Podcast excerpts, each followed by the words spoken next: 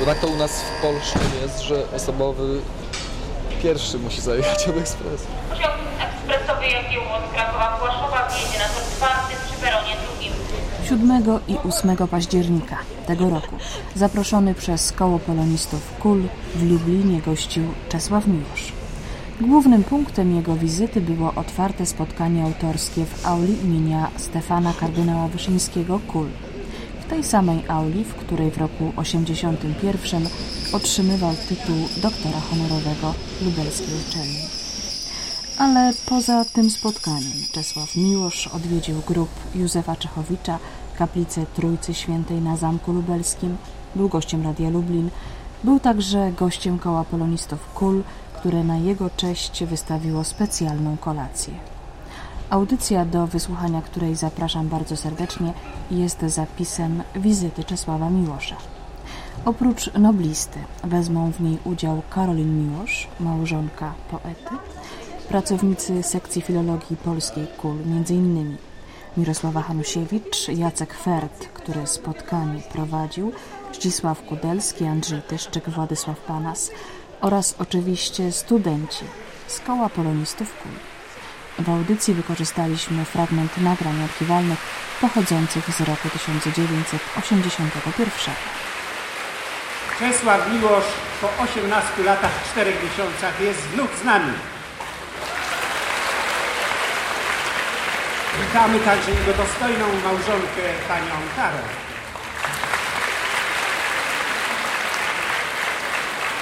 I najserdeczniejszą przyjaciółkę naszego ukochanego doktora honoris causa, panią profesor Irenę Sławińską.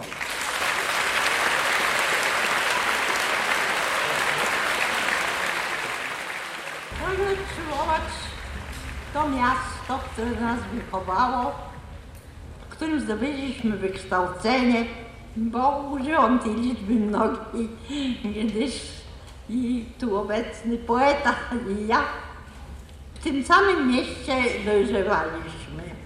W mieście bardzo szczególnym, obficie wyposażonym i w uroki przyrody, i w intelektualne rozkosze, czy inspiracje, czy możliwości. Oczywiście tym miastem było Wilno. Ja nie mam tutaj wątpliwości, że wiersze, które będę czytać, będą zupełnie nowe, dlatego że nikt z, Was nie słyszał mnie czytającego. Zacznę od wiersza, który był napisany w Wilnie. To jest tak dawno, że tak jak przed rewolucją francuską i przed wojnami napoleońskimi. Spotkanie. Jechaliśmy przed świtem po zamarzłych polach. Czerwone skrzydło wstawało, jeszcze noc. I zając przebiegł nagle tuż przed nami, a jeden z nas pokazał go ręką. To było dawno. Dzisiaj już nie żyją ni zając, ani ten, co go wskazywał. Miłości moja, gdzież są, dokąd idą, błysk ręki, linia biegu, szelest gród. Nie z żalu pytam, ale z zamyślenia. Więc uniwersytet, gdzie właśnie ta tradycja była jakoś żywa, gdzie była atmosfera no i pewnego, pewnej emulacji, bo nawzajem siebie podniecaliśmy wszyscy do głębszego poznawania pewnych problemów. Służyły temu także koła naukowe, ogromnie żywe i ambitne, no w tym wypadku na przykład koło polonistów, które miało ono swoje sekcje jeszcze. Z tu obecnym poetą spotykaliśmy się także w sekcji twórczości oryginalnej. W pewnym wieku no, wszyscy muszą przejść taką chorobę czy próbę własnych sił w tym kierunku. Także nieraz i tam zgłaszali się i tacy początkujący niby poeci, którzy nigdy do tej rangi właściwie nie doszli. Czesław tu obecny oczywiście od razu odbierał hołdy, jeżeli nie hołdy, to w każdym razie wyrazy większego uznania był zauważony i bardzo intensywnie w tym kierunku działał, no nieraz rygorystycznie, także dając połapać różnym grafomanom, którzy się tam garnęli także między innymi Putrament, bardzo przecież bojowy i bardzo dobrego osoby nie mamy. Tu jest wiersz, który bardzo lubię. Nazywa się Rzeki i w pewnym sensie jest ten wiersz honorowaniem e, mojej koleżanki Ireny Slawińskiej, znakomitej pływaczki.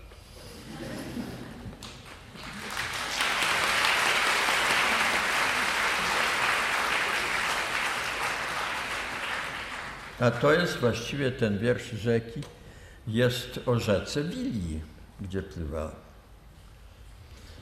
Pod rozmaitymi imionami was tylko sławiłem rzeki. Wy jesteście i miód, i miłość, i śmierć, i taniec. Od źródła w tajemnych grotach, bijącego spośród omszalych kamieni, gdzie bogini ze swoich dzbanów nalewa wodę żywą, od jasnych zdrojów na murawach, pod którymi szebrzą poniki, zaczyna się wasz bieg i mój bieg, i zachwyt, i przemijanie. Na słońce wystawiałem twarz, nagi, sterujący z rzadka zadłużeniem wiosła. I mknęli dębowe lasy, łąki, sosnowy bór. Za każdym zakrętem otwierała się przede mną ziemia obietnicy. Dymy wiosek, senne stada, loty jaskółek brzegówek, piaskowe obrywy. Powoli, krok za krokiem wstępowałem wasze wody i nurt mnie podejmował, milcząco za kolana. Aż powierzyłem się i uniósł mnie i płynąłem przez wielkie, odbite niebo triumfalnego południa.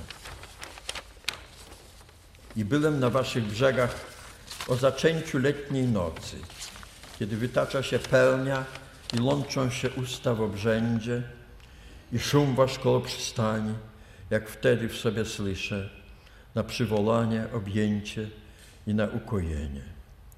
Z biciem we wszystkie dzwony zatopionych miast odchodzimy, zapominanych witają poselstwa dawnych pokoleń, a pęd wasz nieustający zabiera dalej i dalej. I ani jest, ani było, tylko trwa wieczna chwila. A oto i zapowiadana od wielu godzin, ufam, że oczekiwana przez Państwa wizyta gościa specjalnego w Radiu Lublin. Kiedy kilkanaście minut temu przypominałam Państwu fragmenty biografii naszego gościa specjalnego, wspominałam, że pracował także w polskim radiu. Przed chwilą upewniał się, czy to jest to właśnie polskie radio, w którym kiedyś pracowałem? Mhm. Z naszym gościem specjalnym będzie rozmawiać Agata Kos, a jest nim Czesław Miłosz.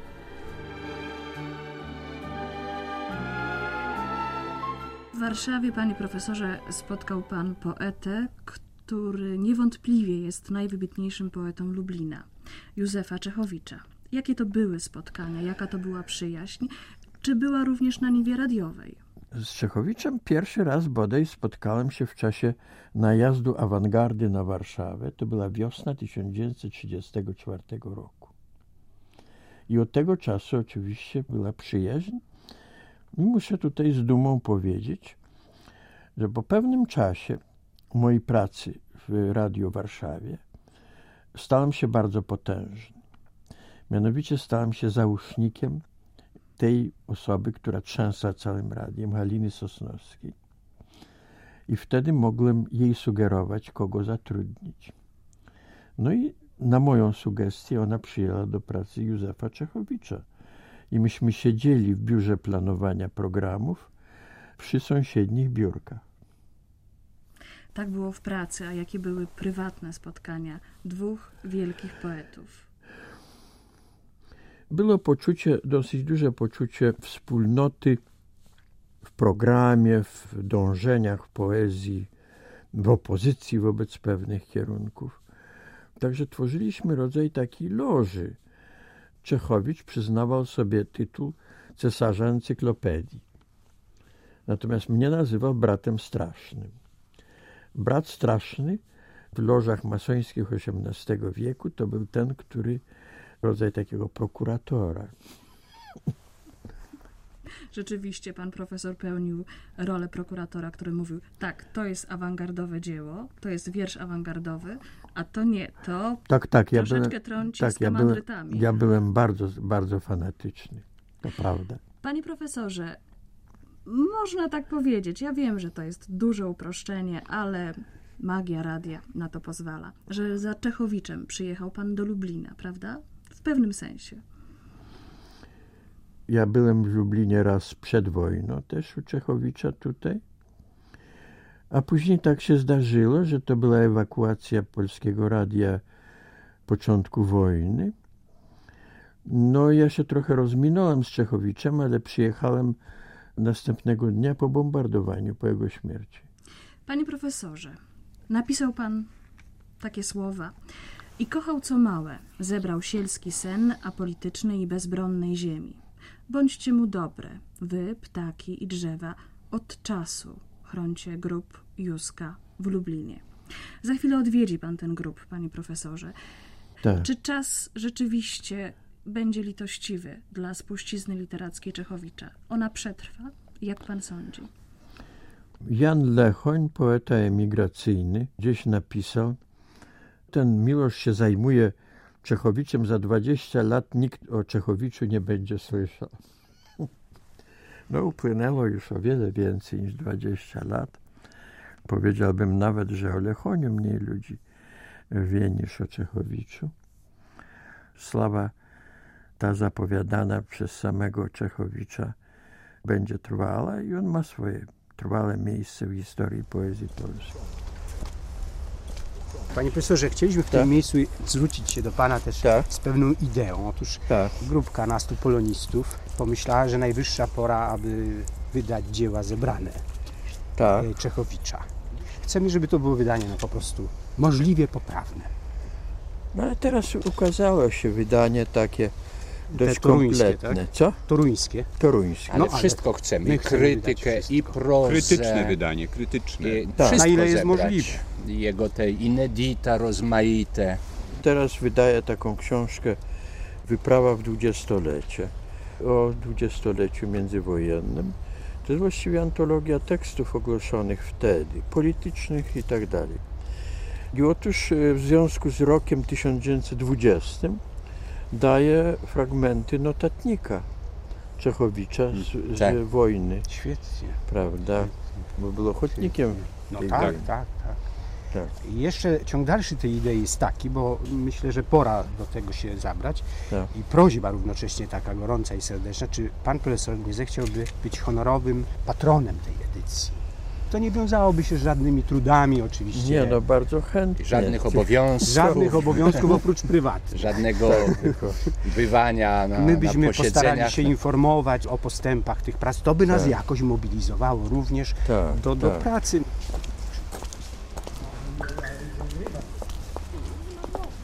Aha, może przeczytam ten. To jest krótki wiersz, jeżeli. Jeżeli nie mogę dostąpić raju, bo niewątpliwie za wysokie dla mnie progi, chciałbym w którymś z regionów czyśćca dostąpić wyzwolenia z fantomów umysłu, których władzę nade mną pamiętam, choć nie dowierzałem im męki zazdrości pod jej oknem na pustej ulicy. To znów wzywanie miłości doskonałej, ponadcielesnej, niemal ponadziemskiej.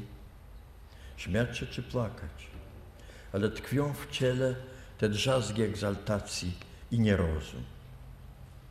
Obym jeszcze mógł zobaczyć jasno, nie kłamać nikomu, ani sobie i dobre intencje, jeżeli były, podawać na moją obronę. Proszę Państwa, teraz chwila wspomnień. 19 maja 1981 roku pisał tak ówczesny rektor naszego uniwersytetu, ksiądz ojciec profesor Mieczysław Krąpiec, pisał do wojewody lubelskiego. Oto tekst. W dniach od 10 do 12 czerwca bieżącego roku przybywa na Katolicki Uniwersytet Lubelski wybitny poeta polski, laureat Nagrody Nobla Czesław Miłosz, któremu uniwersytet nasz nadał tytuł doktora honoris causa. Zwracam się z uprzejmą prośbą do pana wojewody o przydział na tę okoliczność 100 kg wieprzowiny, 50 kg cielęciny, 30 kg wędlin w najwyższym gatunku oraz 200 kg flaków.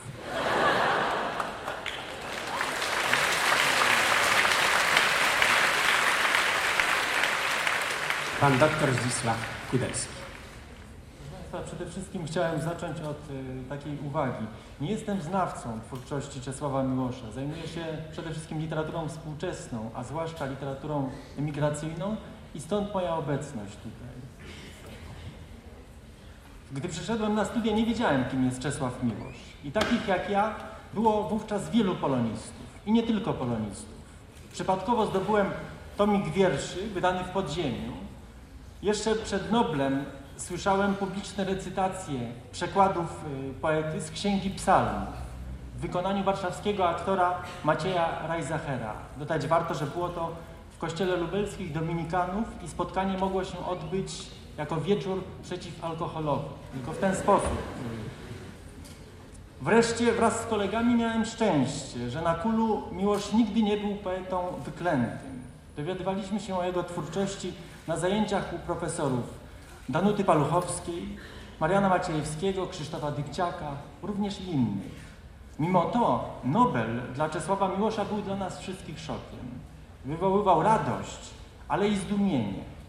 Jak to możliwe, że najważniejszą nagrodę literacką otrzymał poeta w kraju dla większości nieznany? Naturalne wówczas było poszukiwanie odpowiedzi na pytanie, dlaczego cenzorzy tak gorliwie bronili nas wszystkich przed infekującym działaniem jego książek. Skoro noblista jest emigrantem, jacy inni ciekawi, a w kraju nieobecni twórcy żyją na obczyźnie. Można powiedzieć, że Nagroda Nobla dla Czesława Miłosza wyzwoliła prawie niemalże lawinowy proces stale narastającego wówczas zainteresowania literaturą czy kulturą źle obecną, jak to było określane, i tą emigracyjną, i tą krajową, istniejącą poza fasadami oficjalnego życia. Zainteresowania, którego nawet stan wojenny nie zatrzymał. Proszę Państwa, dla mnie i dla moich kolegów z polonistyki czy z koła polonistów ówczesnego spotkanie z Czesławem Miłoszem, tym z krwi i kości podczas pobytu na Kulu w 1981 roku i autorem już dostępnych w kraju książek było decydujące. Poprzez jego książki docieraliśmy do dalszych naszych fascynacji Gombrowiciem, Jeleńskim czy Stępowskim, do kręgu kultury paryskiej, czy w ogóle zainteresowania dorobkiem polskiej diaspory po 1939 roku. Magnificencjo, prześwietny Senacie, drodzy uczestnicy tej uroczystości. Czuję się jak student, który zasnął nad książkami i śni mu się, że nagle dostał doktorat, a nie rozumie, jak to się stało i czy naprawdę znaczy to, że nie musi jutro zdawać egzaminu, do którego się przygotowywał.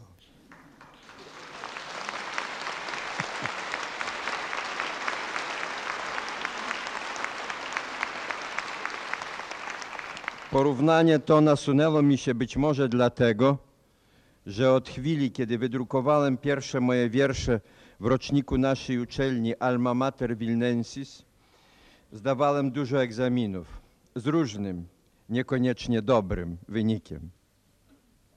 Ale ten sen w przededniu egzaminu ma również coś wspólnego z dziwami upływającego czasu, bo nie jestem całkiem przekonany, że było rzeczywiste to, co przytrafiło mi się w różnych bliższych i dalszych krajach od dnia, kiedy opuściłem moje uniwersyteckie miasto, łącznie z przekładami moich książek na egzotyczne języki i karierą profesorską w Kalifornii.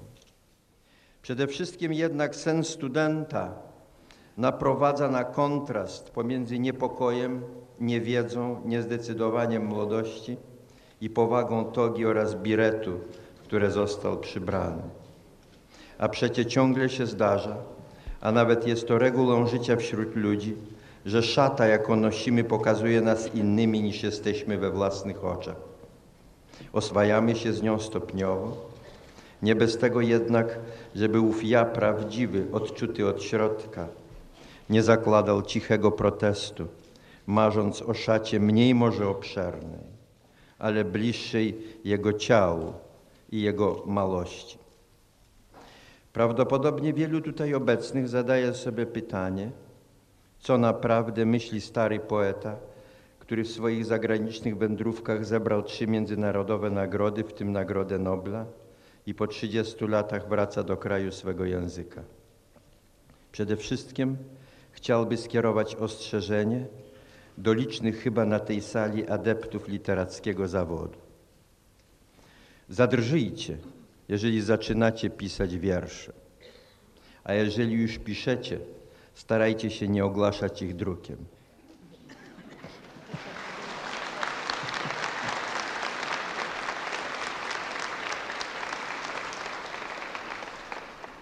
Mówię to dlatego, że słowo drukowane ma przedziwną zdolność zastygania w formę, której nie zawsze może już siebie rozpoznać. Tym niemniej musi ponosić za nią odpowiedzialność, skoro została podpisana jego imieniem i nazwiskiem. I tak oto wszystko, co jest dla niego przeszłością, składa się na obraz społeczny jego dzieła i jego osoby. A tu jest wiersz, który niedawno drukowałem w Tygodniku Powszechnym ze szkodą. Wiersz dotyczy tak zwanej służby narodowej poezji. Jak najmniej szkodzić. O to zabiegałem.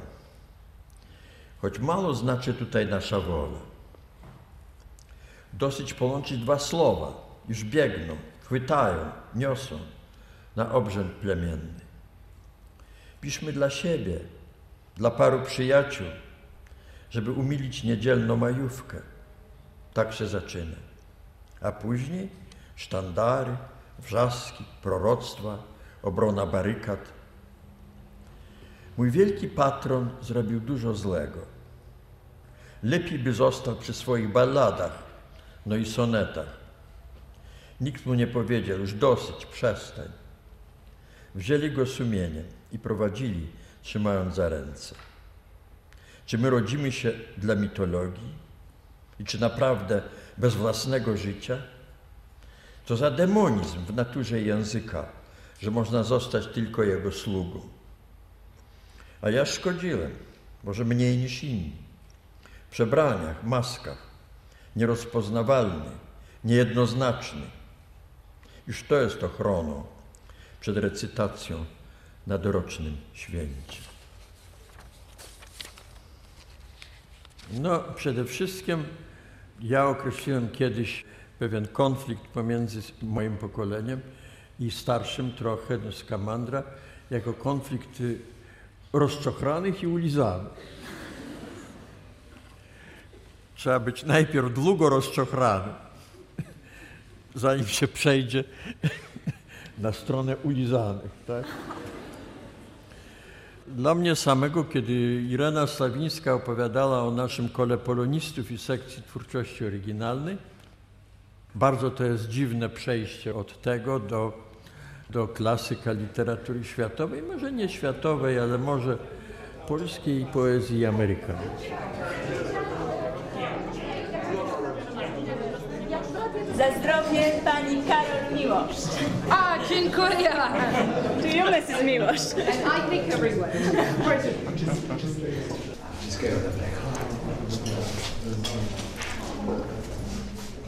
You get vodka, I get vino.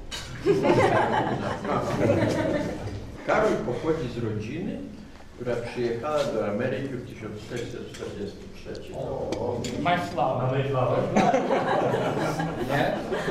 A czym? A czym w takim razie? Strat tam jakaś. am a true American and you are a true Pole. Is Mr. Miłosz glad of the meeting? Very happy. He said he was glad he came to the, the second time. Kojarzę przyjęcia. Moi koledzy i koleżanki z koła polonistów, bardzo proszą o wpis do naszej księgi pamiątkowej. W tej Na pewno, księdze, na pewno to zrobię. w tej księdze już pański podpis. Ale pragniemy drugi raz. Ale drugi raz pragniemy, żeby historii to. stały się za tutaj. Albo tutaj, jak pan profesor woli. Voilà. Merci beaucoup. Chciałam się pokazać, chcieliśmy. Ten poprzedni. Poprzedni A gdzie on jest, Monika? O, jest z doktoratu. Tak, No. rektor Krąpiec. I jest wpis. Sprawdzimy, czy się bardzo zmienił charakter pisma. Nie bardzo. A, nic się nie zmienił. Jeżeli ręka się panu profesorowi nie trzęsie. A teraz przeczytam wiersz, który nie tak dawno napisałem. Bardzo nieprzyzwoity.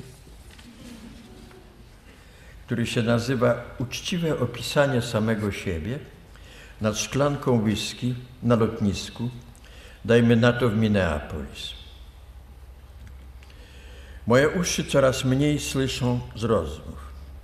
Moje oczy słabną, ale dalej są nienasycone. Widzę ich nogi w mini spódniczkach, spodniach albo powiewnych tkaninach. Każdą podglądam osobno.